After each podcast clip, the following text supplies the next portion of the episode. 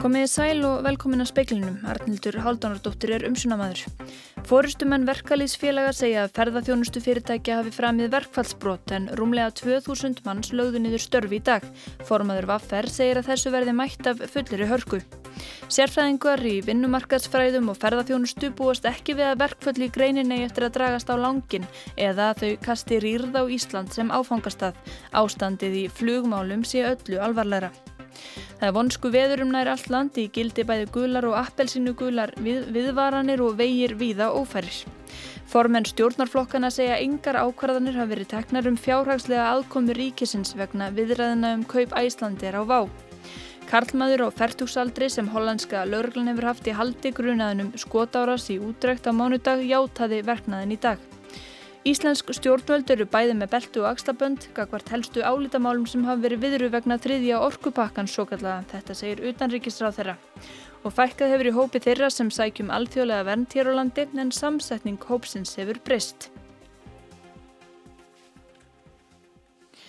Verkfall yfir 2000 starfsmanna eblingar og vaffer í ferðarþjónustu stendur til miðnættis. Ragnar Þór Ingólfsson, formaður vaffer, saði að það hefði verið mikið um verkfallsbrot í dag. Það eru aðalega að uh, starfsmenn annarkort annara stéttafélag eða utan stéttafélag er að ganga í störf sem að, hérna, eru undir þessu aðgerraplani og það er sjálfsögðu ólegilegt og við munum bara svara því að mikill hörku eftir helgi. Bæði hérna með okkar lögmunum og síðan að sjálfsögðu að, að stoppa í öll þessi göð sem við, við erum að verða vittnaf í dag e, fyrir aðgerðina sem hefur síðan aftur á, á 50 dag saði Ragnar Þór. Ríkisáttasamiri hefur búið að fundi í deilu aðtunureikanda og sex verkalýsfélaga, eblingar og vaffer þar á meðal á mánudag frá klukkan 10 morgun til fjögur síðdeis. Síðustu fjórar vikur hafa verið 35 sáttafundir undir stjórn Ríkisáttasamira samtals í 339 klukkustundir. Síðar í speklunum verður fjallað ítalað um áhrif verkvælsins á ferðarþjónustuna og hafkerfið. Formenn stjórnarflokkana segja engar ákvarðanir hafi verið teknar um fjárhagslega aðkomu ríkisins vegna viðræðina um kaup æslandir á Vá. Stjórn æslandir hefur samþygt að hefja viðræður við Váer um aðkomu að rekstri félagsins. Stemtir að því að niðurstöður viðræðina liggi fyrir á mánudag. Framkomi tilkynningu frá Æslandir í gærað viðræðunar fari fram í samráði við stjórnvöld. Formenn stjórnarflokkana segja öll að ekkert hafi verið rætt um beina fjárhagslega aðkomu ríkisins að viðræðinum. Sigur Ringi Jóhansson samgöngu og sveitarstjórnar á þeirra segir stjórnvöld hafa fylst gramt með þessu máli frá byrjun þegar sé búið að teikna upp mismunandi sviðsmundir. Já, við erum náttúrulega þar á meðal greint það allan tíman og það er svona hluti af þessir aðkom okkar að skoða kervislega mikilvæg fyrirtæki og uh, þess vegna verið undirbúin undir allt, vonað æfinlega það besta en undirbúin undir það versta og það gildir raun og veru áfram það sama. Þeir eru með einhvers konar aðgerða áallanir ef, eitthvað, ef allt skildi fara á vestu veg? Já, það er hafa leiði fyrir alveg frá því eh, síðla sumars í fyrra. Eh, fjárhagslega aðkoma ykkar, hvernig sér þetta hana fyrir? Já, við hefum ekki drætt það neitt slikt og, og hérna nú eru þessi tvö fyrirtæki í samtali og uh, þau hafa einhverja daga til þess og við vonum það besta. Saði Sigurður Ingi Jóhansson í samtali við Millu Ósk Magnúsdóttur og nánar verður fjallað um þetta mál í kvöldfréttum sjómars. Uppúr klukkan tvö í dag voru viðvörunar flautur þeittar á Akranesi og svo heyrðist kvellur og svo dingur.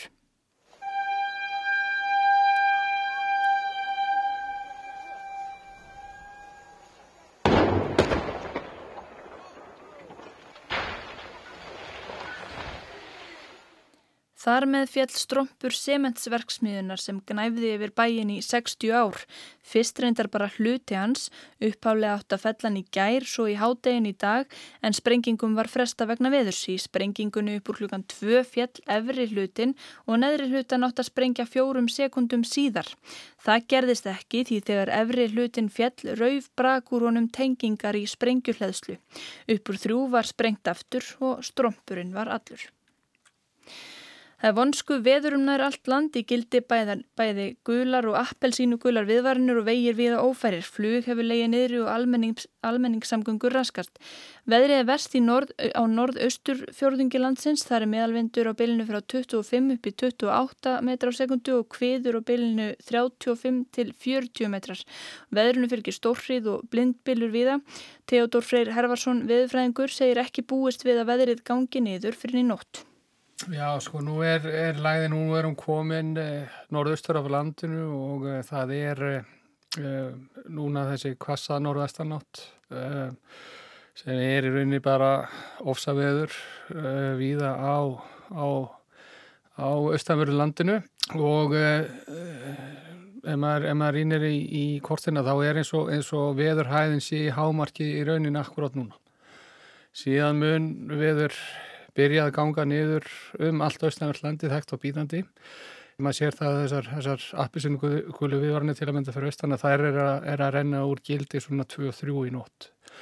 En það er ekki fyrir þá sem að vegagerðin getur farið að riðja? Nei, ég held að það sé bara kavalspilur þarna og uh, vegagerðin er, er ekki að, að standa í einhverjum hreinsunum og meðan og því stendur og, og fyrir vantalega ekki á stað fyrir að, að veður hefur gengið niður. Þannig að fólk getur svona gefið sér að ferða veðrið eh, þar sem það er múnt núna batni ekki mikið eh, fyrir en bara morgun? Nei, ég held að það sé vissar að bara að sitja heima og, og býða morguns saði Theodor Freyr Hervarsson og björgunarsveitir um allt land hafi verið kallaða til þess að aðstóða aukumenn sem fastir er á helliseiði í Þringslum og Lingdalsheiði sunnalands.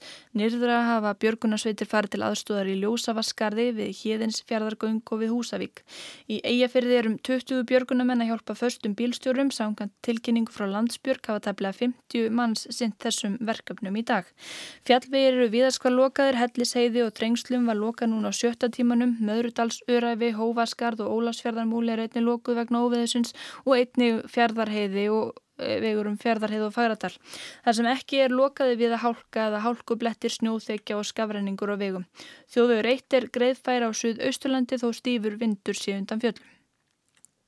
Karlmaður á færtúsaldri sem hollenska lauruglan hefur haft í haldi grunaðan um skotárás í útreikt á mánudag játaði verknaðan í dag. Hann hvaðast hafa verið einna verki. Maðurinn á langan afbróta fyrir að baki. Embætti ríkisaksóknara í Hollandi sendi frá sér tilkynningu í dag þar sem fram kemur að maðurinn sé búin að játa verknaðinn. Saksóknarar gefa ekki frekari upplýsingar um máliða sinni þar sem það er enn í rannsókn. Ung kona og tveir karlmenn letu lífi þegar maðurinn skauta á farþega í sporvagni í útrekt á mánudagsmorgun. Sjö særðust. Árásálmaðurinn komst undan. Hann fannst 8 klukkustundum síðar eftir ákafa leitt. Lóreglan lítur svo á að árásinn hafi verið hriðiverk og verður hann að líkindum ákjærður samkvæmt því. Þrýr til viðbótar voru handteknir vegna rannsóknarinnar, þeir hafa allir verið látnir lausir. Árásarmadurinn er fættur í Tyrklandi, hann hefur áður komist í kast við laugin, meðal annars var hann sakaður um nöðgunni fyrra. Þá hlaut hann fangilsistóm fyrir þessum mánuði fyrir inbrót og búðar þjófnað. Fyrir nokkrum árum var hann síknaður af ákæru um manndráp en fekk dóm fyrir brot á vopnalögum. Nágranni árásarmannsins sem ólst upp með honum segir í viðtali við Hollands dagblad að hann sé trúlaus og fari aldrei í Mosku. Hann sé vandraðan maður með greindarvísitölu á við rækju. Ásker Tómasson saði frá. Íslensk stjórnvöldur er bæðið með belti og axlaböndgagvart helstu álitamálum sem hafa verið viðru vegna þriðja orkupakkans svo kallaða sög Guðlöks Þórðarssonar utanrikisræðara. Orkupakkin verður laðið fyrir alþingi áður en þingfundum líkur í vor um er að ræða Evrópu löggjöfum, dreifingu og sölu á raforku. Reglur um fluttning raforku yfir landamæri koma ekki til framkvæmda nema alþingi heimili lagningu raforku strengs. Guðlögur Þór segir samstöðu innan stjórnarflokkana um að senda málið fyrir þingin. Þannig að tekin upp íslenska rétt á þeirri fórsendu Íslandi er ekki tengt við rávarkumarkað Európa-sambandsins og eh, áekimanna hafa einhver lotið að tveimur þáttumálsins annars verður innlengi ferri bávi stjórnarskrá og ef við myndum tengjast rávarkumarkaði með sæstreng hvort sem okkur líka það betur eðir og samkvæmt þessum tilugum að þá komum til mótsi kvortvekja. Þá er rávarku sæstrengur ekki laður neða með samþykja alþingis og allar ákvæmum það eru og verða áfram í höndum okkar íslinga saði Guðlaugur Þór Þórðarsson. Yfir 70 eru látnir eftir að tvær rútur rákust á í nótt í suðluta Ghana. Eldur kom upp í annari rútunni við áreiksturinn. Um það byrj 50 farþegar voru í kvorri. Hátt í 30 voru fluttir á sjúkrós. Flestir meittust er á höfði. Sjöru alvarlega slasaðra þegar AFP fréttastofan hefur eftir lækni á sjúkrósi í bænum Kintampo. Óvist er hvað allir slísunum. Líklilt er þó talið að annar bílstjórun hafi sopnað undir stýri. Klukkan 19.45 hefst leikur Andorra og Íslands á Estati National í Andorra og er honum líst beint bæði í sjónvarpi og Rás 2 og upphittun fyrir leik hefst 19.10 í útvarpi og 19.15 í sjónvarpinu.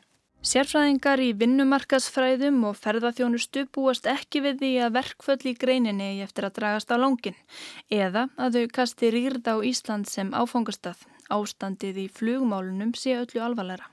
Verkfallsaðgerir hófust hluta úr degi 8. mars. Nú stöndur yfir sólarhingsverkfall og ef ekki næsta semja skellur tveggjadaga verkfall á í næstu viku og smám saman breyðast þau út. En sem komið er beinast þau að ferðarþjónustunni. Gilvi Dalman Aðalsteinsson, dósendi mannuðu stjórnum við viðskiptafræðidelt Háskólu Íslands, hefur sérhæft sig í og rannsakað vinnumarkasfræði og skoðað verkvöld og verkvælstíðni á Íslandi. Hann segir verkvöldin sem bóður núna öðruvísi á hennum almenna vinnumarkaði en verið hefur.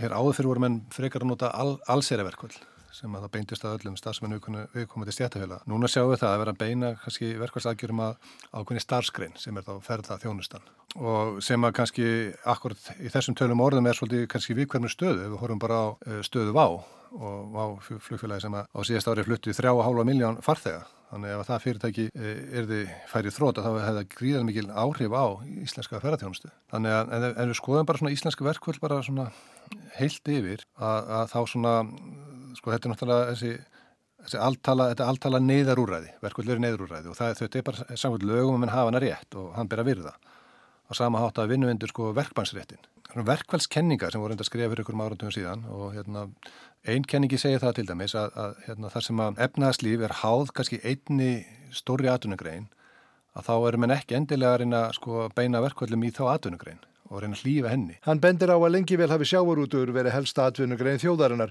Sjóminn hafi farið í verkvöld en ekki náða að ljúka þeim með samningum því stjórnöld hafi gerðnan sett lög á verkvöldera. Ríkisvaldi beiti þessu úrræði þegar menn meta það að hagur heillar atvinnugreina sí í húfi og nefni til að mynda flugmenn. Núna beini verkalýsfélagin sjónum sínum að ferðarþjónustunni því þar býti aðgerirnar helst kemur það óvart ef, að, ef þetta einhver eftir að lögur er sett á þessar aðgerir? Eða aðgerir sem þessar? Ég held að sem ekki komið þangað enda á, nei. Er meiri harka svona í upphafi núna heldur en stundum áður? Nei, uh, við erum svona fljóta að glema og Vaffer var síðasti verkvældi 88 fyrir 31 ára síðan og ef við förum aðast aftur í tíman og skoðum það voru sko harðvítu verkvæls átökjir í gamla dag og oft þurftu menn sem að töldu sem eiga að vinna verkvældi að vinnundi laurugluvernd, þannig að þetta fer svona tiltöla frisamlega framfyrst mér. Í upphafi samningsviðrana var verkalýsrefingin sem einn held, en fljótlega skáru fjögur félagsugur hópnum. Í vikunni sæði formað landsambars Vestlunumann af sér, en Gilvi segir að nú horfum við upp á breytt form á samstarfi. Áður að hafið svo kallað flóabandalag, verkalýsfélaga á faksaflóasvæðinu, staðið saman og var ferð til hlýðar við það. Vaffer sé tölvert ólíkt hinnum félagunum en það hafi verkfallsbóðun þar verið samþygt með mjög naumum meirulhuta. Hann segir að efnahagsleg áhrif að verkfallsaðgerunum geti orðið mjög mikil. Mörg lítil fyrirtæki sé í greininni, þau séu ekki endili í samtökum atvinnulífsins en starfsmenn þeirra vinni samkvæmt samningum vafferð og eblingar. Það geti síðan reyn sterfitt að endurhemta viðskipti tröst og orspor þótt að þurfi alls ekki að vera. Það getur gerst og en við sjáum það bara við að nákvæmlega löndunum okkar að hérna, það flugum fyrir að stjórar flugmenn í löndunum kringum hafi farið verkvæl en, en það er til lengri tíma litið ekki haft neitt varalega áhrif á það. Kristján Sigurjónsson sem heldur út í síðinni turisti.is tekur undir þetta en segir tímasetningu verkfalla nú slæma fyrir ferðarþjónustuna. Náttúrulega ferðarþjónustan er á viðkomnum stað akkurat núna, við sjáum það með ókyrðina í kringum flugfélagin, þannig að er, tímasetningin er sérstaklega erfið akkurat núna, en, en svona ef maður horfið kannski til orðspór Ísland sem áfokastað, þá telur nú ekki að verkvöld sem fara friðsamlega fram og, og vara kannski í stuttan tíma hafi svona sérstaklega neikvæð áhrif, en, en þeir eru verkvöld ekkert sér Íslands fyrirbyrði og til að mynda eru vinnutilur tíðar í Fraklandi sem er nú vinsalasta ferðarmannalandi heimi Hins vegar getur ástandið vissulega að dreyja úr áhuga á Íslandsverðum hjá einhverjum og kannski sérstaklega ferðaskuristofum sem eru þekkja vel til á Íslandi og eru kannski komna með kannski óþólk að hvert verðlægi á Íslandi og kannski þessari þessum mikla ferðamannaströymi. En eh, eins og ég sagði aðan, þá er bara staðan í greinin greinlega mjög viðkvæm, sérstaklega út af flýinu, það er krónan hefur náttúrulega gert mörgum erfitt fyrir og þrátt fyrir að ferðarþjónustan hefur verið ganga í gegnum svona, hefur verið gangi í gegnum mjög svona gott tímabill, þá virðist enga síður staðan vera svo að mörg fyrirtæki ráða ekki við óvissu í mjög langa tíma og þess vegna er þessi verkvöld erfið. Skamtíma áhrif af verkvöldum, segir Kristján, geta verið aðbókanir og slæma upplifin þeirra ferðamanna sem lenda í þeim, lenda til að mynda í vandraðum eða komast til og frá flugvelli eða fá gistingu eða mat. Þess áttar geti komið upp hvar sem er og sé ekkert sérstaklega bundið í Ísland, þannig að ef verkvöld fara vel fram og standa ekki mjög lengi, muni þau ekki hafa mjög slæma áhrif, kvorki til stittri nýja lengri tíma. Miklu alvarlegra sé ef vá næstasta flugfélalandsins hættir. Í raunsi staða núna nánast fáránleg að ástand ástandi í flugmálum og verkvöld komi upp á sama tíma. Kristján segir fagfólk í greininni fylgjast grant með. Jú, jú, maður sér þetta svona á uh, síðum og vefmiðlum sem kannski er með fókus á ferðarþjónust og er svona fyrir fagfólk í greininni. Það er, er, er mitt verið að tala um verkvöld á Íslandi og þess að það og, og það, þannig er það líka þegar eru verkvöld annar staðar, þegar flugumferðarstjórar í Fraklandi leggja niður störf og alla flugvilegar í Európu þurfa að fljúa í hringin í kringum Frakland og þá senkar ferðum um alla Európu. Ég meina þetta eru svona svolítið klassískar fréttir ofta en hérna, jújú, það er, menn taka eftir því að að akkurat núna er, er ástand á Íslandi sem er ekki nógu gott og, og þá aftur er meiri fókus á, á, á vandræðin í flýinu heldur en verkvallin. Kristján er ekkit vissum að verkvall nú eigi eftir að breyta áætlunum fólk sem að koma til Íslands í sumarleifi. Fólk gerir almennt ekki ráð fyrir að verkvall í þessum heimsluta standi mjög lengi. Gilvi Dalman Aðalsteinsson býst ekki við langvarandi verkvallum. Ég held ekki. Ég held að menn séu bara það sem var að fréttina frá því í gær sína það að menn eru að reyna að ná samningi og, hérna, og endanum munum menn gera það. Ég held að, veri, ég held að við munum sjá fljóðlega fyrir endan á þessu. Saði Gilvi Dalman Aðalstinsson, Haugur Holm tók saman.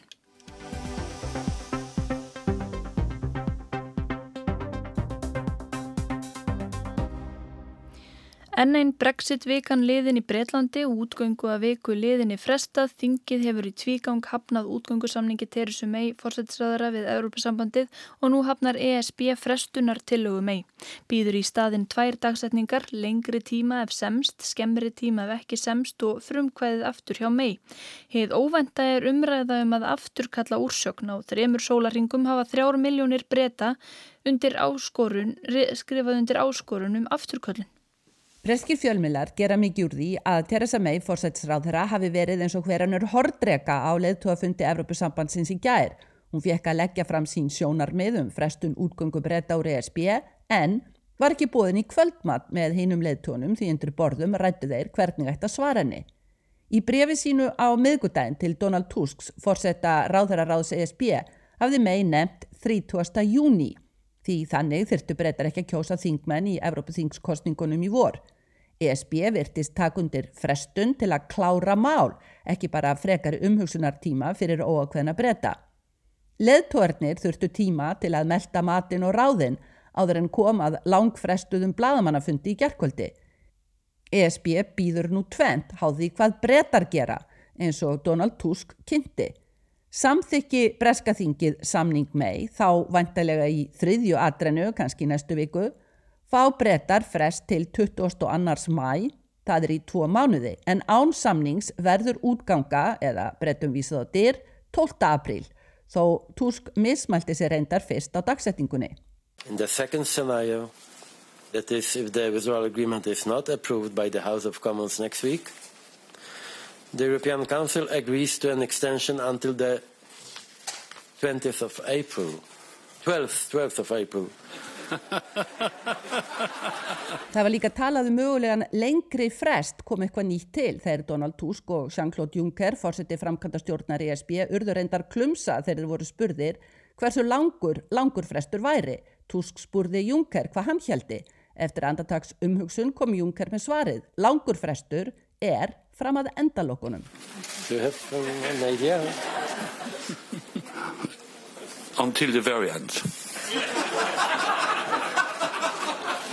Það var minna hleyið á bladamannufundi Theresa May í Brussel í gerðkvöldi. Hún er komin í góða æfingu að taka slæmum fréttum í allra auksín lætur eins og lítið sé. Hún fagnaði niðurstöðu leðtúafundarins en skautaði yfir að hún fekk ekki það sem hún bað um Sem fyrr reynur hún að nota frestun og samningslausa útgöngu sem svipu á þingið að samþykja nú samninganar. En það voru loka orðin í ávarpennar sem mjög var tekið eftir heim í Breitlandi. Í ávarpi á miðugdarskvöldið hefði hún tjáð ergelsi sitt, sagði hún. Þingmenn væru vísast líka argir, þeirra úður erfitt. en nú væri vonandi allir sammála um að komið væri að loka nýknum. Hún vonaðist eftir samning sem þokaði Breitlandi áfram. Last night I expressed my frustration and I know that MPs are frustrated too. They have difficult jobs to do. I hope we can all agree we are now at the moment of decision and I will make every effort to ensure that we are able to leave with a deal and move our country forward. Þessi orð vísa til óvænts ávarps í beitni útsendingu til þjóðarinnar á miðgdaskvöldi þar sem hún talaði um naflaskoðun þingsins og kendi því um brexit-ófarinnar. Þingmenn í öllum flokkum reytust þessum orðum. Þeim finnst sökin á brexit-rættinum ekki síður líka hjá mei sem hjakki sama brexit-farinu. Í ljósi þess að mei vil enn reyna að láta þingið kjósa um samningin er merkilegt að hún skildi sparka til þingmanna í staðis að reyna að vinna hillið þeirra á stuðning. En af hverju samþykti ESB ekki frestunarbeðni mei? Mei satt fyrir svörum leðtóana 27 í 90 mínútur, sögur Herma, að leðtóarnir hafi bæði reyðst og undrast að mei neytaði að upplýsa þá um hvað hún ætlaði eiginlega að gera ef hún kæmi samningi sínum ekki gegn. Það gekk alveg fram að þeim að hún virtist ekki vita sitt rjúkandi ráð hefðinga varaskeifu Þeir þá ákveð að fyrst hún var ekki búin varaskeifu myndu þeir útveðin hana. Þess vegna frestun með eða án samnings. Nú stefnir mei á aðra atkvæðagreyslu sem hún gæti vel tapað líka spurning hvort þingforsettin leifðana. Hópur þingmanna leitar nú leiða til að þingið tækja ekkert frumkvæði, kjósum nokkrar leiðir, talað um eitthvað líkingu við EES-samningin, aðildað viðskipta armi ESB, ekki pólitíska arminum, hvernig sem það ætti nú að vera, Það er nýjar samningsforsendur. Jeremy Corbyn beiti sér líka þarna. Ósennilegt að May geti snúið á hæl og leitt nýjar viðræður, margt sem bendi til að ný leið krefðist nýs leðtoga sem væri þá nývít í brexit-flækjunni. Sigrun Davidsdóttir saði frá.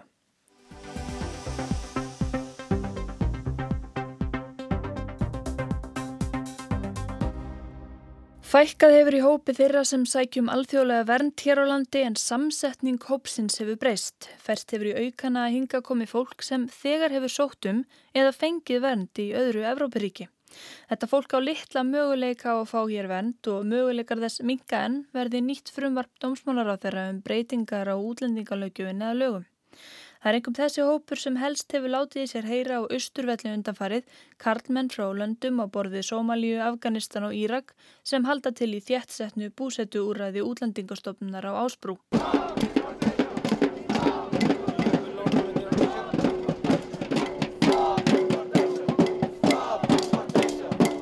Árið 2015 stóð flóttamannakrísan sem hæst í Evrópu, hundruð þúsunda flúðu ofsóknir og stríðsátök heima fyrir hættu lífi sínu á ótryggum gummibátum á miðjararhafi.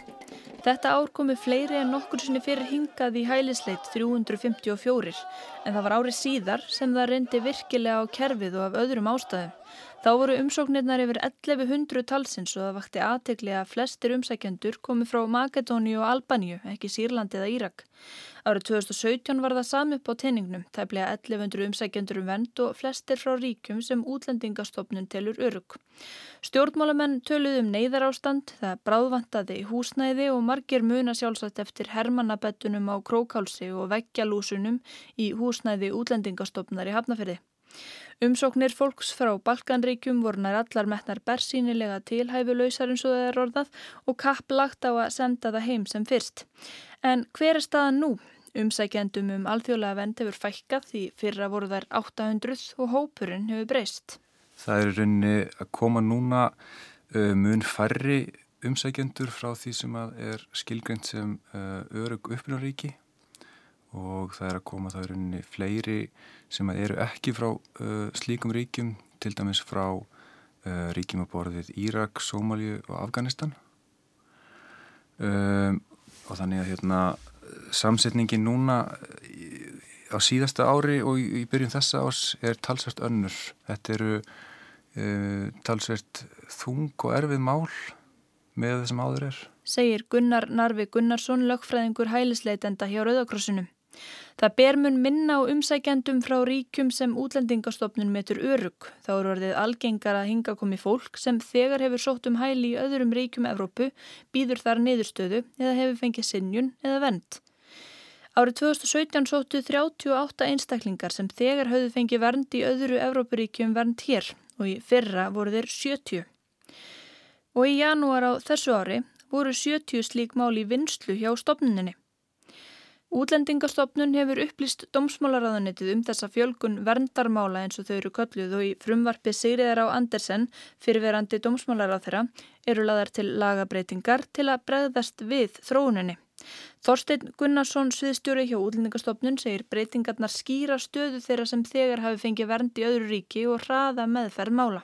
En svo lögin eru uppið núna þá eru ákveðin undan þá eru í 37. grunn lagum útlendingar sem að fjallum að ef að sérstakar aðstæður eiga við og það fælst í þessu frumvarfi þrenging vissulega á, á stöðu þeirra einstaklinga en þó ekki svo að það sé algjörlega lóku fyrir það skotið að málum verið tekinn fyrir hér á Íslandi. Hann segir þessi mál sem nær undan tekningar löst enda með sinjun tefja málsmeðferð annara mála, mála sem fá efnislega meðferð. Málsmeðferðatímin í þeim málum sé nú um 220 dagar og það sé á langt. Með breytingunum eiga stuðlaði að meðferð þeirra mála stittist. Rauðikrossin hefur gert aðtóasemdir við frumvarpið þar sé verið að þrengja til muna möguleika fólks sem fengið hefur vernd annar staðar til að fá mál sín tekinn til efnislegar meðferðar hér. Þá er líka búið að eða lagt til að það verið ekki hægt að uh, óska eftir frestun réttar áhrifa þegar ákverðin er kærð. Segir Gunnar Narvi. Í umsokk Rauðakrossins um frumvarpið þeirru breytingatillögurnar saðar mikið áhyggjuefni í ljósi nýlegra úrskurða kærunemdar útlendingamála frá síðara hluta ást 2018.